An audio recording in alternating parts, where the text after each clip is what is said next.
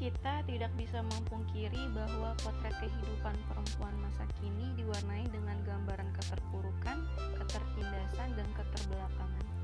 Namun, masalah-masalah tersebut tidaklah semata-mata masalah perempuan. Realitasnya, kita perlu untuk melihat masalah tersebut sebagai masalah kemanusiaan dan masalah kehidupan. Ya, dalam artian bahwa tidak hanya jenis kelamin perempuan yang mengalami masalah, tetapi jenis kelamin laki-laki pun banyak yang mengalami masalah. Meskipun kita tetap sepakat bahwa perempuan menempati persentase masalah yang lebih besar. Fokus kritik kita bukanlah pada ada atau tidaknya masalah, namun lebih pada bagaimana pemanis sebagai sebuah gerakan dan cara pandang menjelaskan masalah tersebut, kemudian menawarkan solusi-solusi tertentu. Jika kita telusuri dari konsep ataupun istilah yang dimunculkan oleh mereka, kita sebenarnya bisa memahami bahwa akan membawa gerakan perempuan ke arah yang sama, yaitu masyarakat egaliter. Masyarakat tanpa ketimpangan gender, masyarakat yang didominasi oleh kebebasan individu. Konsep yang detail dan jelas tentang masyarakat egaliter versi pemanis ini tentu sampai sekarang belum ada. Kalau kita hadirkan dalam benak, gambaran masyarakat egaliter adalah masyarakat yang peran laki-laki dan perempuannya sama dalam segala hal.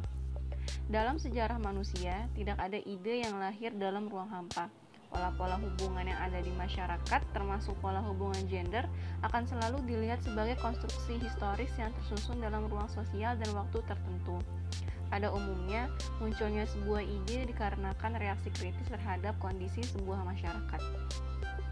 Permasalahan jenis kelamin dan gender sebenarnya bukanlah masalah baru, tapi merupakan realitas yang usianya setua peradaban yang dibangun manusia. Kemunculan paham tersebut yang beragam di seluruh penjuru dunia tidak pernah dapat dilepaskan dari pengaruh ideologi yang diterapkan. Tanpa bermaksud melakukan simplifikasi terhadap masalah, tampak jelas hubungan antara ideologi yang diterapkan sebuah negara sebagai warna setiap kebijakan dan peraturan yang dikeluarkan dengan gerakan atau paham pemanis ini sebagai suatu aksi, reaksi, dan sebuah konsekuensi logis dari penerapan suatu sistem.